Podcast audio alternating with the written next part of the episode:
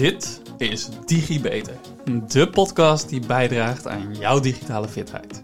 In deze podcast ga ik, Jurien Rijmakers, al dan niet met gasten, in op zaken die bijdragen aan jouw e-vaardigheid en e-vakmanschap. Hey allemaal en welkom bij weer een nieuwe DigiBeter. Na de bits en de bytes wil ik me dit keer graag gaan richten op de software, zoals ik vorige keer al zei. Zoals je vorige keer waarschijnlijk begrepen hebt, is het afhankelijk van het niveau, generatie van de programmeertaal, hoe de hardware de instructies krijgt wat er gedaan moet worden. De juiste instructies in combinatie met de juiste hardware geven de uitkomst. Nou, dit keer wil ik het gaan hebben over de software die wij gebruiken om onze werkzaamheden mee te doen. Ons privéleven makkelijker te maken. Of op een andere manier de tijd mee te verdrijven.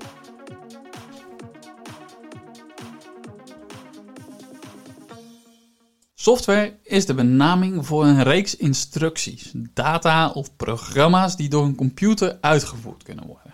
Ze vertellen het systeem, de hardware dus, hè, wat die moet doen, zodat wij de taken die we willen dat het systeem gaat uitvoeren, dat die ook daadwerkelijk uitgevoerd worden. Zoals het draaien van bijvoorbeeld een besturingssysteem, oftewel een operating system, een OS. Het maken en bewerken van documenten het spelen van die leuke game die ik thuis op mijn PlayStation heb of op mijn, uh, op mijn Nintendo Switch. Moest even nadenken over de naam of andere dingen, hè, die zakelijke systemen. Je kan software dus, zoals ik zei, ook zien als een verzamelnaam van programma's, applicaties die op een systeem uitgevoerd worden. Het wordt dan ook nog alles door elkaar heen gebruikt. Software, applicaties, programma's. Uh, ja, je hoort het eigenlijk zonder dat mensen er echt bij nadenken. Is een van de belangrijkste onderdelen echter van een systeem. Want zonder zou het systeem niet functioneren. De software is dus een van de belangrijkste zaken. Maar toch, nou, wij, wij slikken het vaak voor zoete koek. Het is voor ons als water uit de kraan. Het is er gewoon. De stroom, de zon die gaat schijnen. Het doet het gewoon. Het moet het ook gewoon doen. En we staan er eigenlijk zelden bij stil hoe het werkt. Dus vandaar vorige keer die bits en die bytes. En nu toch nog maar even wat dieper in de software. Je kan software grofweg onderverdelen naar twee hoofdcategorieën de systeemsoftware en applicatiesoftware. De systeemsoftware is de software die de hardware en andere systeembronnen aanstuurt. Nou, die laatste, die uh, systeembronnen, die vind ik interessant even. Want hardware, daar heb je waarschijnlijk wel een beeld bij. Maar wat moet je je nou voorstellen bij die systeembronnen? Als ik een korte en toch wel vrij nauwkeurige definitie zou moeten geven van systeembronnen, dan zou het misschien zoiets moeten zijn zoals het vermogen van het besturingssysteem om de taken die jij als gebruiker nodig hebt efficiënt uit te kunnen voeren. En alle hardware en software die weer op het besturingssysteem draait, zo goed mogelijk te gebruiken. Het zijn dus hulpmiddelen die een systeem gebruikt om te functioneren. Systeembronnen kunnen heel erg breed zijn. Dan moet je denken aan, um, uh, ik denk aan uh, geheugen, de capaciteit van je processor, netwerkbandbreedte en harde schijfruimte. Je kan je dus voorstellen, als je die, die zaken niet efficiënt inzet, nou, dan kan dat wel weer zorgen voor een trage respons, het vastlopen of misschien wel hele crashes van je systeem. Zo'n blue screen of death. Die systeemsoftware heeft dus de schone taak om ervoor te zorgen dat de software die deze bronnen nodig hebben, om die zo efficiënt mogelijk te benutten. De snelle technologische veranderingen, waar ik binnenkort in de komende podcast weer op wil in gaan zoomen, want ja, de AI-podcast is al meer dan een jaar geleden en ja, de wereld is echt al zoveel verder. En dus de moeite waard om in te zoomen op al die technieken, op die nieuwe technieken. Dus niet alleen op AI, maar gewoon echt een wat breder perspectief. Maar wat ik wilde zeggen, oh ja, die snelle technologische, die snelle technische veranderingen die we zien, geven je misschien het idee dat die computer dat die ook wel helemaal veranderd is. Dat die systemen helemaal veranderd zijn. Maar de onderliggende technologie, de onderliggende techniek, die is eigenlijk nog voor een heel erg groot deel is hetzelfde. En dit lijkt ook niet heel erg snel te gaan veranderen. Overigens, nou, die software die verandert natuurlijk wel snel, maar ook weer niet zo snel de taalmodellen, de afbeeldingen die we nu uit AI zien komen, die, daar wordt al jaren aan gewerkt. En alleen wat we nu zien, dat is wel een dermate stap dat we het ineens met z'n allen over de hele wereld in één keer zien als veel meer bruikbaar. Ik denk dan ook niet dat, ja, het gaat niet meteen alle functies vervangen, maar jij en ik, we zullen toch moeten gaan op blijven letten op die nieuwe ontwikkelingen. En daarvoor kun je uiteraard lekker blijven luisteren naar DigiBeter. Maar uh, ja, die systeembronnen, waar, daar was ik net mee bezig. Hoe werkt dat nou eigenlijk? Ik ben zelf niet zo van de techniek, dus ik ben, moest er zelf ook wel echt bij gebrek aan een expert zelf eens een keertje helemaal induiken. Maar een systeembron is dus eigenlijk net als elke bron iets wat je kan controleren en verifiëren. De systeemsoftware, het besturingssysteem met drivers, die gaat dan controleren en verifiëren op het moment dat je je computer, je systeem aanzet, of al die hardwarecomponenten die op die bron zijn aangesloten, of die dan goed hun werk doen. En ik zal proberen vanaf nu een beetje consistent te zijn en systeemsoftware en het besturingssysteem, uh, het besturingssysteem te noemen, zodat je dat beter kan volgen. Nou, voordat een besturingssysteem actief kan worden, is de firmware is aan het werk. De firmware is een heel klein stukje software dat is vastgelegd in een chip. En in die chip, hè, die, die spreekt men, daar spreekt men vaak over als de ROM-chip, dat stukje hardware waar het systeem zijn instructies daarvan kan ophalen om bijvoorbeeld een zelftest uit te voeren en alle instellingen, de configuraties te bekijken en het besturingssysteem te zoeken om zo door te gaan. De instructies voor die, dat ding kun je vinden in de BIOS. Zodra het besturingssysteem is gevonden en aan de bak gaat, dan worden al die gegevens vastgelegd in een register. En in dat register daar staat alle informatie over de capaciteiten, de vrije ruimte, hoeveel RAM er nog beschikbaar is en hoeveel RAM er überhaupt beschikbaar is, externe opslagmedia die erop is aangesloten en nog veel meer. Het besturingssysteem is dus voor je aan de bak en het start alle achtergrondservices en processen, net als alle hulpprogramma's die je misschien kent, die taken uitvoeren zoals het bestandsbeheer, systeemonderhoud, data backup en bijvoorbeeld je antivirusprogramma. En die services die uh, bestarten eigenlijk vrijwel direct met dat je het systeem aanzet, met zaken als het bijwerken of het scannen van bestanden. En dat gebeurt allemaal op de achtergrond om ons te beschermen en ons op de hoogte te houden. Het is een klein wonder dus eigenlijk wel te noemen dat ja, die systemen tegenwoordig zo snel opstarten. Want toen ik mijn eerste computer aanzette, nou, die deed er volgens mij wel ruim een minuut, ik denk wel anderhalve minuut over voordat die opgestart was.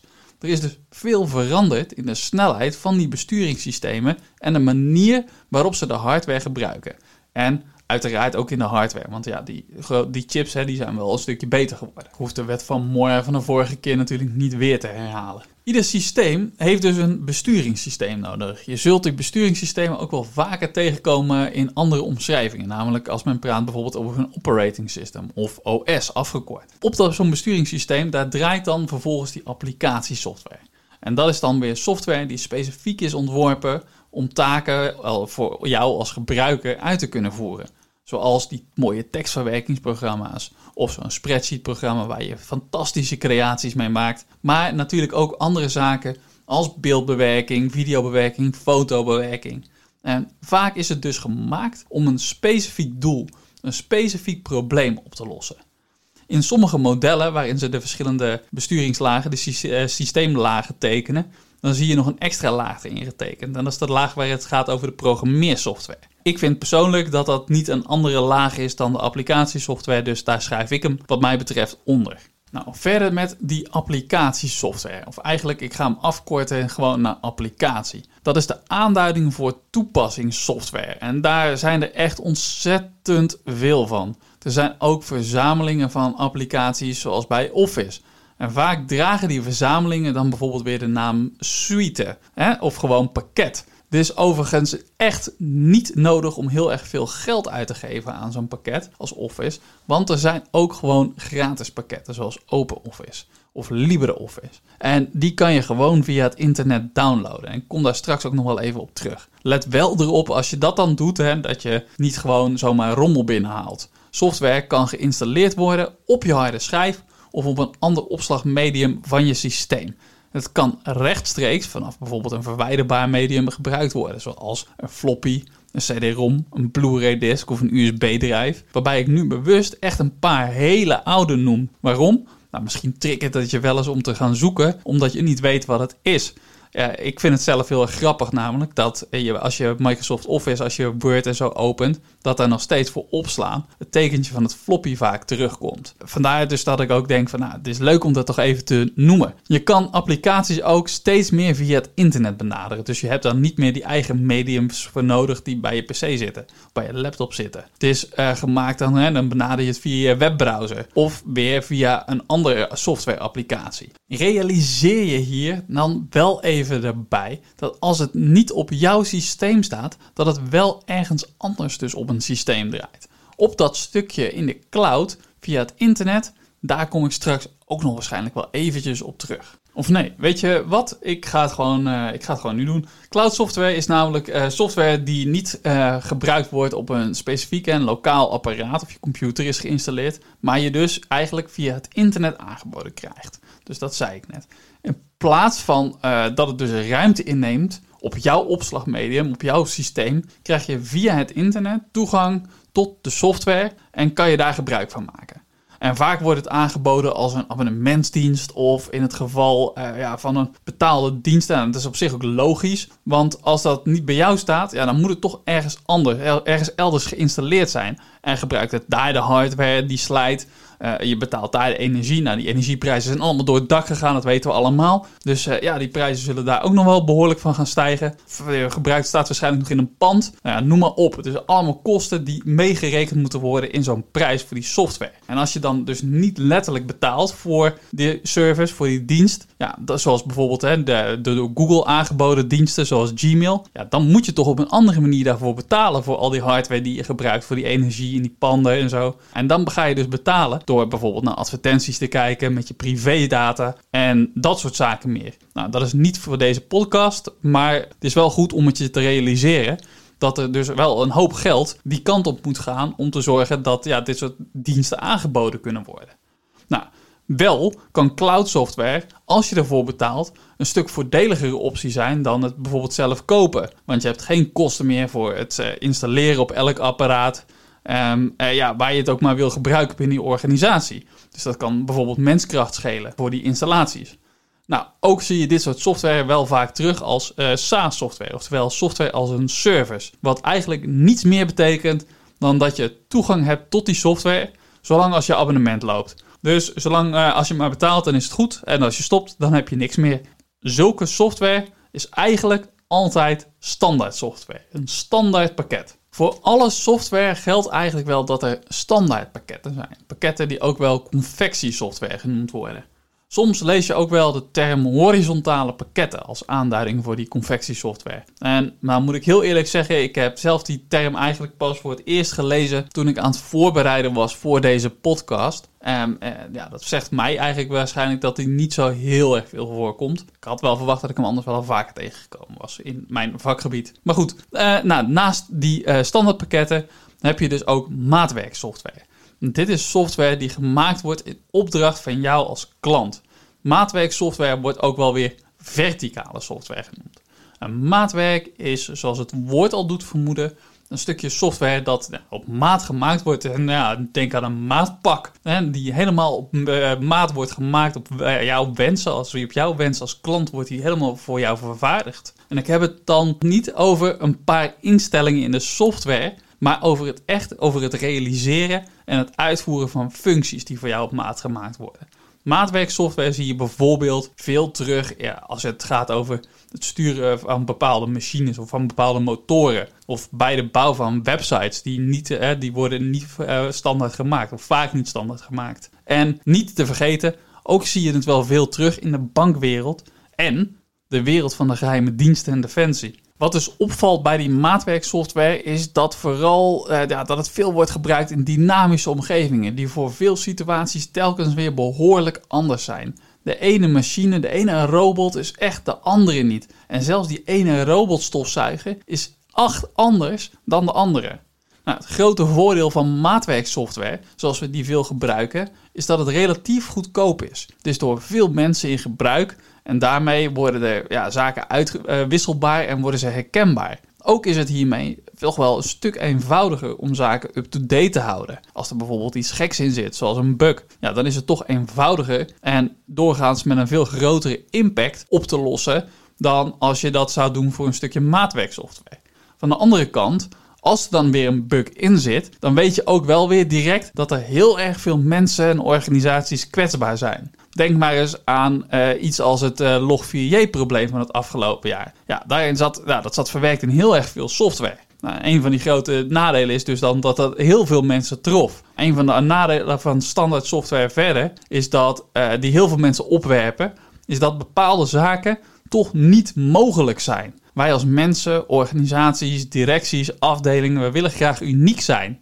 En ik blijf me daar behoorlijk over verbazen, want ja, soms uh, is het zo hè, dat het de overhand gaat voeren. Dat als je bijvoorbeeld een uh, nieuw mooi maatwerk HRM-pakketje wil hebben, ja, dan gaan ze daar volledig, wordt daar volledig op ingezet. Terwijl dat soort pakketten, dat zijn dus eigenlijk gemaakt uh, om aan te sluiten op heel veel van die best practices in de HR-wereld, in de HRM-wereld. anders wil niemand anders zo'n pakket toch hebben. En afdelingen en directies. En uh, ja, dat zijn toch vaak, daar zitten toch vaak mensen die dan toch menen van ja, onze processen zijn echt anders. We moeten toch andere type software hebben. En ik denk dus dat het heel erg goed is om je daar eerst een keer de vraag te stellen op het moment dat je gaat kijken naar nieuwe software. En dus, uh, of als je wil gaan kijken naar een stukje maatwerk. Waarom is mijn proces nou zo anders dan het proces van de best practices die toegepast worden in die maatwerksoftware? Is dit echt wel nodig dat ik nu hier maatwerksoftware voor ga laten realiseren? Of, en is het echt het geld waard überhaupt om een proces te hebben waar ik dure ondersteuning voor moet ontwikkelen, terwijl al die ontwikkelde software er al ligt. Al die software die kan ik zo gebruiken. En ja, zo kom ik dan ook wel weer aan bij die maatwerksoftware. Want het grote voordeel daarvan is natuurlijk dat het precies doet wat jij als gebruiker wil. Maar de nadelen zijn daarbij dus ook ja, de prijs die je betaalt bij de ontwikkeling, maar ook voor het onderhoud. Het grote risico dat je loopt in de beveiliging. Maar ook omdat het dus speciaal voor jou gebouwd is. En ja, daarmee loop je dus het risico met bijvoorbeeld tragere updates. En als er lekken en bugs in zitten, dan is dat dus minder snel opgelost. En ook daarbij zitten we op dit moment in een gewoon ontzettend krappe arbeidsmarkt. En dat zal niet zomaar veranderen. Waarbij ja, mensen in de IT-wereld zijn gewoon schaars. Mensen die dit soort dingen kunnen realiseren. Dus ook daarin kun je afvragen: wil ik iemand hebben die dit helemaal speciaal voor me bouwt? Of ga ik toch voor dat stukje standaard software. En begrijp me niet verkeerd hier, want lijkt, uh, als ik mezelf zo hoor praten, lijkt het wel of ik helemaal anti-maatwerk ben. Maar dat is absoluut niet het geval. Uh, want ja, het sluit natuurlijk wel beter aan aan bepaalde behoeftes. En sommige processen zijn ook echt wezenlijk anders. Maar mijn pleidooi is wel om gewoon eerst heel erg goed te kijken. Waarom doe ik wat ik doe? Uh, waarom wijkt dat zoveel af van uh, best practices, als er al best practices zijn? En kan ik dan niet beter aansluiten op die best practices en gebruik maken van die standaard software? Zeker gezien alle dus zojuist genoemde omstandigheden. Kosten met software zijn een van de, is een van de dingen die regelmatig terugkomt. Uh, dat hoorde je net ook bij de, waar ik het had over die maatwerksoftware. Nou ja, dat extra kosten voor het, uh, het bouwen en zo, dat, dat speelt heel erg sterk mee de tijd en zo die erin zit. En voor de meeste software geldt eigenlijk wel dat ervoor betaald moet worden. En waarom moet er nou voor betaald worden? Ja, daar rusten auteursrechten op. En uh, helemaal met cloud software heb je dan ook nog eens een keertje alle hardware en zo die bij dit op draait, wat ik ook al eerder uitgelegd heb. Nou, dat gaat vooral vaak om commerciële software. Software die dus ook wel gesloten software genoemd wordt. Maar tegenwoordig hoor je steeds meer over open source software. Konrad Zuze, ik weet niet of ik zijn naam goed uitspreek, ik hoop het voor hem, uh, stond er onbekend dat hij van mening was dat de software gratis hoort te zijn. En zijn argument daarbij was uh, eigenlijk dat als je een auto aanschaft, je ook niet apart hoeft te betalen voor de motor.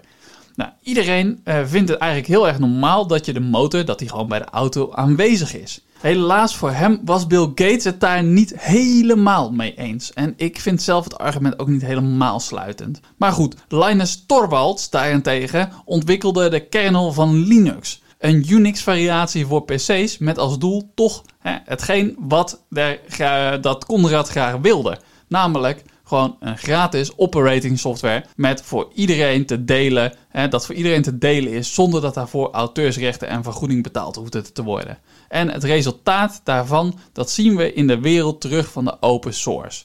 Open source is de filosofie waarbij de broncode van een stukje software vrij beschikbaar is. En wel zo vrij beschikbaar voor iedereen dat iedere enthousiaste programmeur toevoegingen of verbeteringen kan aanbrengen. En uh, ja, dat iedereen uh, de code van het programma kan bekijken, aanpassen en weer verspreiden. Zolang je aan de voorwaarden van de licentie voldoet. En mits je natuurlijk een beetje snapt wat je aan het doen bent.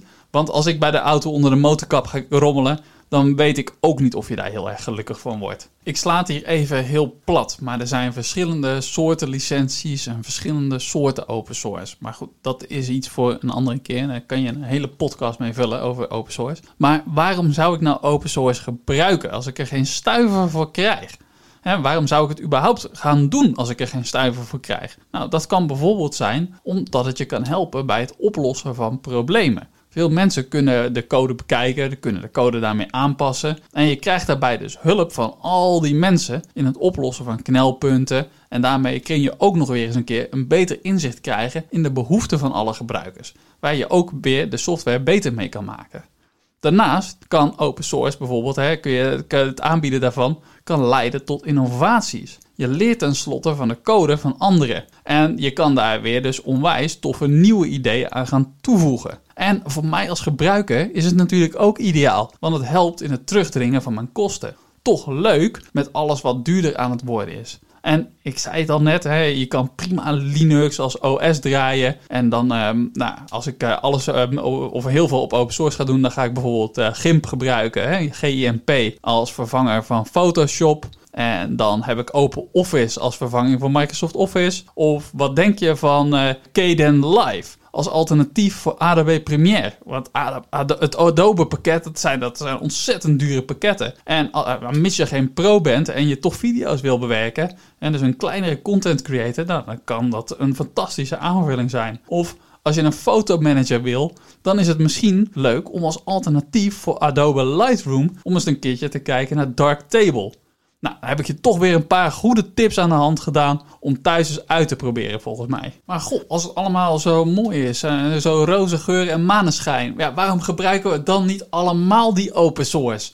Nou, zonder dat ik hier wil, wil suggereren dat ik uitputtend ben, zijn er best wel ook een aantal redenen te noemen om toch geen open source te nemen. Denk aan wat ik eerder zei bij het verschil tussen maatwerk en standaard software. Ook open source, hè, als uh, gebruiker, als het ondersteunt, uh, word je niet altijd ondersteund in die behoeften die jij hebt, in jouw wensen. Daarnaast zijn we ook regelmatig nog wel huiverig voor beveiligingsproblemen er zijn op dat gebied toch wel echt wel wat issues geweest in het verleden. En het is lang niet altijd wenselijk om dat risico te lopen.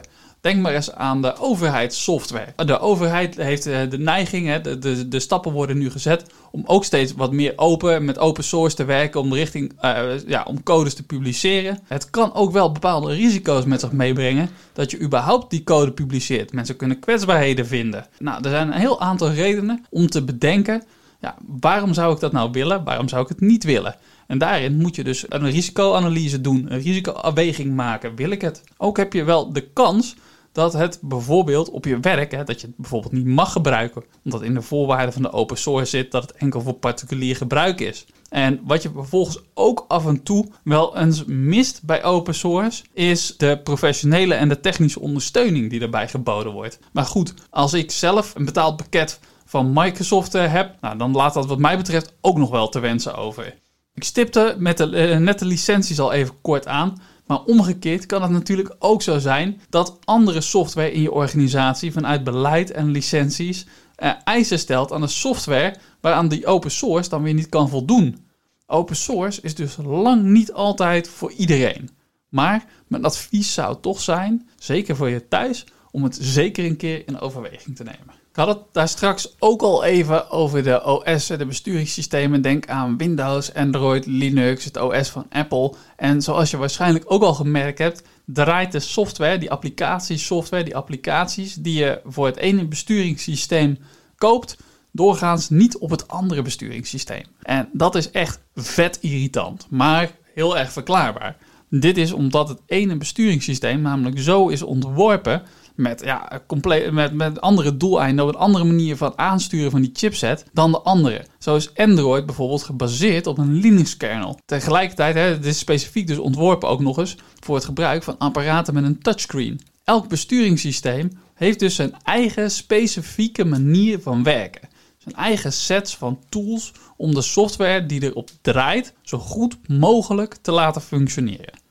Als je dan toch probeert om een stukje software op een ander besturingssysteem te krijgen waarvoor het niet bedoeld is, ja, dan kan, als je het al aan de praat krijgt, kan dat leiden tot problemen omdat het besturingssysteem dus helemaal niet snapt hoe nu om te gaan met de vragen die dat stukje software stelt. De opdrachten die dat stukje software geeft aan het besturingssysteem. En dat kan dan weer leiden tot, nou, en laat ik het nou nog maar eens een keertje zeggen, mits het je überhaupt gelukt is om dat stukje software aan de praat te krijgen op dat OS, kan dat leiden tot fouten, tot crashes of zelfs schade aan je besturingssysteem, tot aan schade aan je hardware van je apparaat aan toe. Toch is het niet helemaal onmogelijk om te doen. Er zijn echt wel weer applicaties gemaakt, zoals bijvoorbeeld emulatoren en virtualisatiesoftware, die ervoor zorgt dat je het ene besturingssysteem binnen het andere besturingssysteem kan draaien. Zodat je vervolgens op dat uh, besturingssysteem, wat je dus weer op jouw besturingssysteem laat draaien, dat je daar weer je applicatie op kan oproepen. Nou, buiten dat het heel erg complex klinkt als ik het hier zo aan het vertellen ben al, uh, zou ik het zelf ook niet ideaal willen noemen. Ik heb het een paar keer geprobeerd, maar het kan afhankelijk van hoe en wat, uh, kan het best wel de prestaties van je systeem naar beneden brengen. En het kan er ook wel voor zorgen dat je, uh, je operating system, je besturingssysteem, een stuk minder stabiel wordt. Het is dus beter als je gewoon de software, de applicatie lekker draait op het besturingssysteem waar het bij hoort. Wat ik dan wel weer mooi vind, is dat Microsoft met Windows onder de motorkap hard aan het werk is om Android-apps ook op Windows te kunnen laten draaien. Maar voor zover ik weet is het nog niet zover en uh, we kunnen het dus nog niet gaan inzetten. Ik heb het nu vorige keer al gehad over de bits en de bytes en nu over de software en besturingssystemen. Hoe de hardware is samengesteld en hoe dat het van invloed is op de software, het besturingssysteem dat het aanstuurt. En deze keuzes zijn ook belang van belang hè, voor wat je verder kan gebruiken op jouw systeem. Want de eisen die vanuit de software gesteld worden aan het besturingssysteem en vooral ook aan de hardware, die zijn heel erg specifiek. En soms werkt het op een breed scala aan systemen en hardware, maar regelmatig heb je ook zeer specifieke eisen. Stel nu dat je bijvoorbeeld bitcoins wilt gaan minen. Nou, dan heb je heel specifiek heb je bijvoorbeeld heel erg veel grafische rekenkracht nodig. En dat betekent dus dat je een hele goede grafische kaart of zelfs meerdere grafische kaarten nodig hebt. Software die die grafische kaarten zo optimaal mogelijk kan aansturen om zo goed mogelijk te kunnen minen. En waarschijnlijk ook een zeer goede koeling, want al die berekeningen kosten heel erg veel energie en dat wordt dus flink zweten. Maar ook de kloksnelheid van je processor is van belang. Ik noemde die de vorige keer ook al even. De snelheid kan van invloed zijn. En uh, ja, ook zeg maar bijvoorbeeld hoeveel het geheugen die je hebt om zaken al dan niet tijdelijk weg te schrijven. Als je onvoldoende geheugen hebt, dan kan dat gaan leiden tot bijvoorbeeld trage prestaties, maar zelfs tot crashes. En persoonlijk, ik heb een ontzettende hekel aan een traag systeem. En een crash is helemaal irritant, want ja, als je dan niet op tijd hebt opgeslagen, dan ben je ook nog eens een keer al je werk kwijt. Vet irritant. Dit dus voor je een nieuw systeem gaat kopen, of het nu een PC, een laptop, je telefoon of je bitcoin miner of wat dan ook uh, is, ja, van belang om jezelf echt af te vragen, ja, wat wil ik er nou mee? Wat, waar heb ik het voor nodig? Is het voor een simpele tekst verwerken en uh, om een beetje te surfen op het internet? Nou, dan heb ik geen laptop van 2000 euro nodig, maar kom ik met 300 euro echt al een heel eind als ik een nieuwe wil kopen. Maar ga ik he uh, hele boeken schrijven en daar heel veel foto's en heel veel video's op mijn PC opslaan, nou, dan moet ik op zijn minst wel voldoende harde schijfruimte hebben. Of uh, ja, ik kan het in de cloud zetten. Nou, deze oriëntatie is dus wel echt van belang. En daarnaast is het even de vraag of je, hè, bij welke winkel je dat dan gaat kopen. Want weet je al precies wat je wilt, dan maakt het niet zo heel veel uit. Uh, afhankelijk natuurlijk van ook de service die zo'n winkel verleent. Uh, en dan kun je de verkopers gewoon lekker links laten liggen. Maar weet je nou nog niet precies wat je nodig hebt en waarom je het misschien nodig hebt, dan is het toch verstandiger om misschien even naar zo'n specialist te gaan om je goed te laten adviseren. Dat je er iets meer voor betaalt bij die specialist, nou vergeet het maar, die betaalt zich dik terug. Nou, voor vandaag vind ik het wel mooi geweest. Genoeg over de besturingssystemen en de applicatiesoftware. Maar wil je nu nog meer weten? Laat het mij dan even weten via de link in de show notes. Ik hintte de vorige keer al op en deze keer toch nog maar een keertje. Uh, de volgende podcast wil ik gaan terugblikken en vooruitblikken op een heleboel nieuwe technologieën. Ik ga het blik met technologieën ga ik opentrekken en we gaan eens even goed kijken wat nou er aan zit te komen en wat dat nou, misschien voor een invloed heeft. Uh, welke heb je echt, waar moet je echt van op de hoogte zijn? Want 2022 ging echt in een moeilijk rap tempo. Er is heel erg veel voorbij gekomen. Maar ik zie 2023 hoopvol tegemoet. Ik denk wel dat het wel eens het jaar zou kunnen worden waarin een combinatie met AI, virtual reality en augmented reality de volgende stappen kunnen gaan maken. Ze zullen echt nog niet allemaal zo snel ons huis binnendringen als ChatGPT dat afgelopen december deed. Maar wie weet. Voor nu, voor deze keer, dank voor het luisteren. Tot de volgende keer. Tot de volgende DigiBeter. Vond je dit nu een leuke uitzending en wil je meer weten? Abonneer je dan op de podcast door op volgen te klikken. Het duimpje omhoog en geef een beoordeling van bijvoorbeeld 5 sterren, zodat nog meer mensen deze podcast kunnen vinden. Wil je collega's, vrienden, familie, zoals je opa of oma, net zoveel plezier doen en ze digitaal fitter krijgen? Deel dan de podcast. En zo worden we samen allemaal digitaal. Heb je een vraag over wat er verteld is in de podcast? Een bepaald onderwerp dat je graag terug zou willen horen? Of wil je gewoon laten weten dat je erg van de podcast genoten hebt? Je kan mij feedback geven en vragen stellen via LinkedIn. Zoek dan even naar Juriaan Rijmakers. Hoe dan ook, na deze podcast ben je weer een beetje digifitter. Tot de volgende keer, tot de volgende DigiBeter.